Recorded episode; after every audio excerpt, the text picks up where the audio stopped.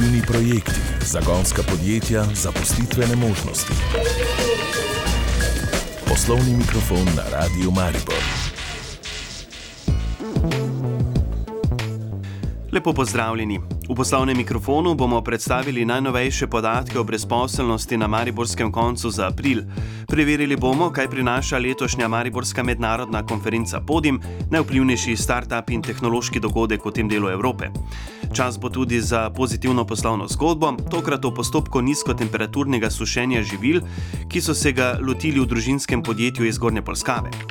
Poslovni tudi na spletu. Radio Maribor.si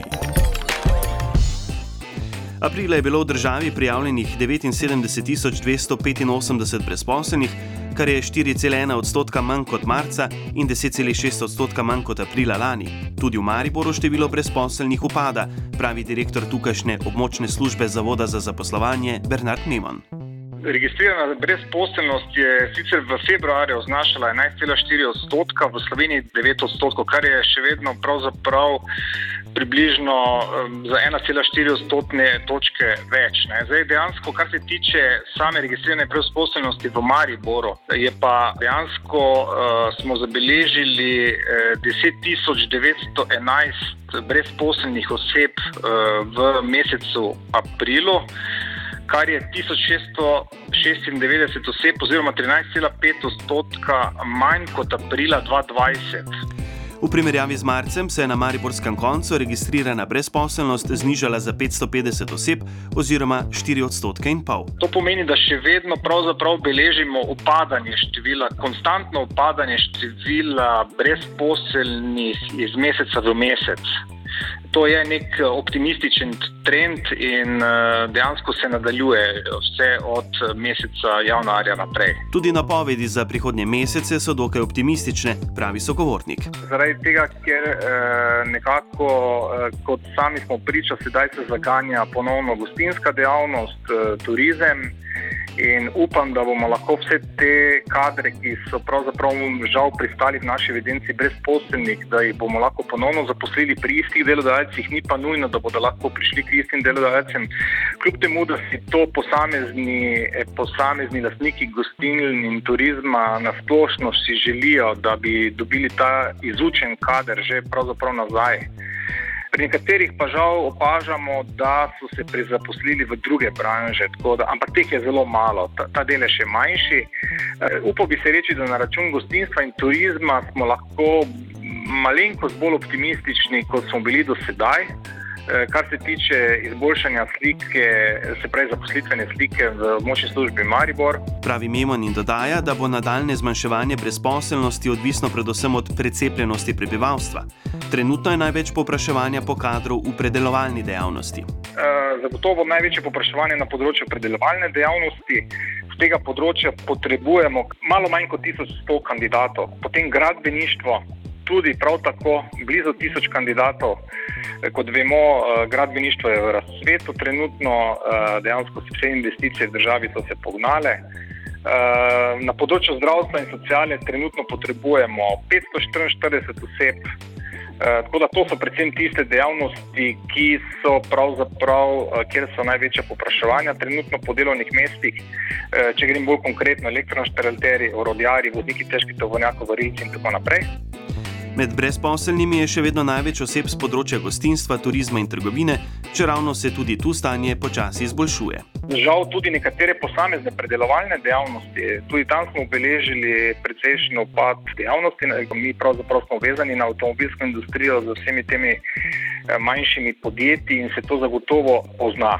Trgovina se pa prav tako je trenutno v malenkost v sponu, čeprav trgovina in gostinstvo ter turizem so pravzaprav najbolj na udaru bile v minulih mesecih.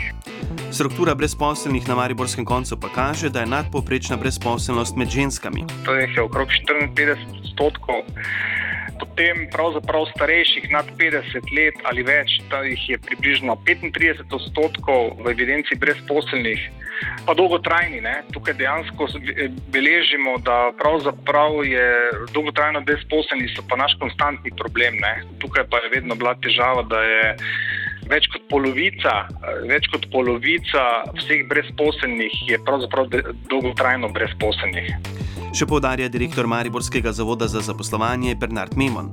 Po glasbi pa k prihajajoči Mariborski mednarodni konferenci Podim, ki velja za najvplivnejši start-up in tehnološki dogodek v Sloveniji in širše. Poslušate oddajo Poslovni mikrofon na Radiu Maribor. Poslovni mikrofon na Radiu Maribor. Približuje se 17. maj, ko se bo ponovno začela tridnevna Mariborska mednarodna konferenca Podim, najvplivnejši start-up in tehnološki dogodek v tem delu Evrope. O letošnji izvedbi smo se pogovarjali s organizatorjem Matejem Rusom, direktorjem tovarne podjemov Maribor. Pojasnjuje, da bo ponedeljek, prvi dan konference, najprej potekal tako imenovani demo dan ko se bo predstavilo okoli 100 start-up podjetij. V torek in sredo bo potekal programski del s predavanji in okroglimi mizami, na sporedu bodo tudi srečanja med podjetniki, investitorji in korporacijami. V bistvu imamo več vsebinskih sklopov, ki so uh, v bistvu nekako v ospredju in sicer pravi, vse tiste, ki so zdaj sedaj tudi zelo zanimivi za investicije, za razvoj posla, kot so naprimer pametna mesta, pa potem uh, uvajanje krožnega gospodarstva s pomočjo najsodobnejših tehnologij, umetne inteligence, blockchain tehnologij. Nadalje potem uh, digitalizacija in pa komercializacija, v bistvu novi poslovni modeli, kjer izstopajo recimo NFT tehnologije za komercializacijo recimo umetnosti in umetniških del. Pozornost bo posvečena tudi temam, povezanim z zagotavljanjem finančnih virov, ob tem pa tudi tehnološkemu podjetništvu, zlasti prenosu znanja iz akademske sfere v podjetništvo. Tako kot lani bo letošnji podim potekal virtualno, torej preko spleta. Uh, upali smo na hibridno izvedbo, kar bi pomenilo, da naredimo polno izvedbo uh, fizičnega dogodka in da je ta online samo nadgradnja in pa popestritev uh, fizičnega dogodka, ampak žal je epidemija pomahala z tretjim valom in nam je pač uničila te načrte, tako da bomo sedaj, tako kot lansko leto, imeli polno online različico, tako za predavanja, kot tudi za ena na ena poslovne sestanke. Kot pri tem dodaja Rus, pa spletna izvedba konferenci dodaja nove razsežnosti in možnosti. Tako jim je uspelo pridobiti še boljše vrhunske predavatelje. Računa, da bodo v prihodnje ohranili del virtualne izvedbe podima še naprej. Letos bo nekaj čez 100 predavateljev iz vseh koncev sveta. Predavatelji so eh, zelo izkušeni mednarodni ali podjetniki ali svetovalci ali v bistvu investitorji. Na konferenci imamo tisoč udeležencev. Nekako smo se zavestno odločili, da je to zgornji maksimum, se pravi, koliko jih sprejmemo zaradi zagotavljanja kvalitetne, možnosti kvalitetnega mreženja. In od teh je približno polovica zagonska podjetja, start-upi, ki v bistvu uh, predstavljajo torej to jedro konference. Konference se bo deležilo še preko 100 investitorjev in okoli 200 predstavnikov malih podjetij in korporacij, preostali pa bodo predstavniki podjetniških inkubatorjev in parkov ter medijev. Letošnji podim pa prinaša tudi spremembo. Do zdaj so ob koncu konference razglasili tudi slovenski startup oziroma zagonsko podjetje leta, tokrat bo drugače, pravi Rus. Letos bo v sklopu podima potekal finale, se pravi izbor samega startup leta. Sama razglasitev pa bo potekala 16. junija v Ljubljani. Eh, zdaj, zato smo se odločili za to, da lahko v komisijo za izbor vključimo tudi ugledne mednarodne strokovnjake, ki bodo sodelovali na konferenci Podim. V bistvu na Podimu imamo zmagovalca Podim Competition, se pravi Podim Challenge, ki je dejansko uh, regionalni oziroma pro projekt celotne regije, ne samo Slovenije. Medtem ko pa je Startup Slovenija dejansko projekt slovenske startup skupnosti in ga bomo na neki inovativni način kombinirali z konferenco Podim. V sklopu Podim Challenge Competition torej sodelujejo zagonska podjetja, ki se udeležujejo konference. Na, na Podimu sodeluje recimo 200 startupov, od tega se jih nekje 120 odloči, da tekmujejo v smislu, torej v okviru Podim Challenge Competition, Pitching Competition. Oni v bistvu uh, predstavljajo pred komisijo svoje ideje in jih najprej izmed 120 izberemo za polfinale, pa potem pet za finale.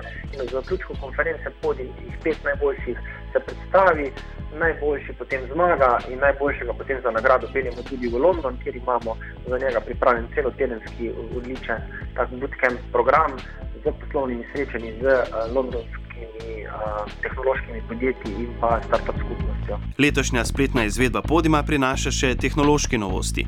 S pomočjo aplikacije bo možno spremljati konferenco tudi z mobilnega telefona in tablice in ne zgolj preko računalnika. In pa, da bomo imeli štiri programske sklope usporedno v bistvu, predvajanje iz studia. Lani smo imeli samo en sklop predvajanja študija, ostali smo imeli v bistvu na nek način so bili samo organizirani znotraj nekih drugih tehnoloških rešitev in se mi zdi, da smo naredili kar pomemben tudi ta preskok. Lansko leto smo bili kljub, tem, kljub vsemu pionirji, pa smo se učili, letošnje leto pa smo že malo bolj prekaljeni in lahko to naredimo na še višji ravni. Še napoveduje direktor tovarne podjema Maribor in vodja startup Matej Rus. V zadnjem delu daje pa k pozitivni poslovni zgodbi. Poslovni mikrofon na Radiu Maribor. Raziskovalci na javnem razpisu. Evropski razpisi, predstavitve poklicev, pozitivne zgodbe našega okolja. Če bomo obrnili to tehnologijo v svoj prid. Poslovni mikrofon na Radiu Maribor. Majhno družinsko podjetje Tri Remi iz Zgornje Polskave se je pred leti lotilo nizkotemperaturnego sušenja živil.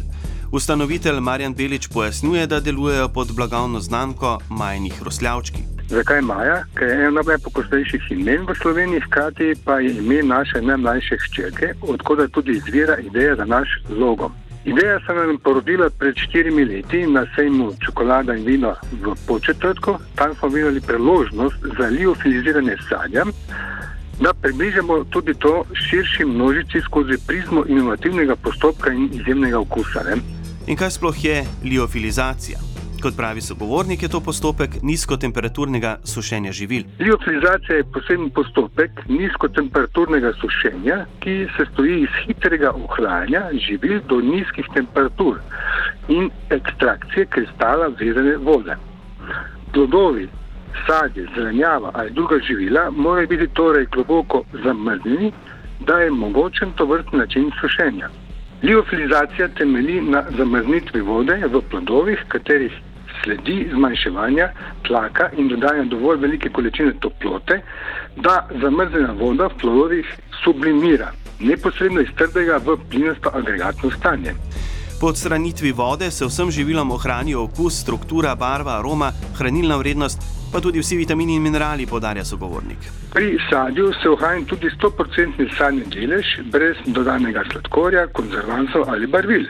Postopek zagotavlja neomejen rok uporabnosti živil ob pravilnem skladiščenju v neprodušno zaprti stekleni posodi.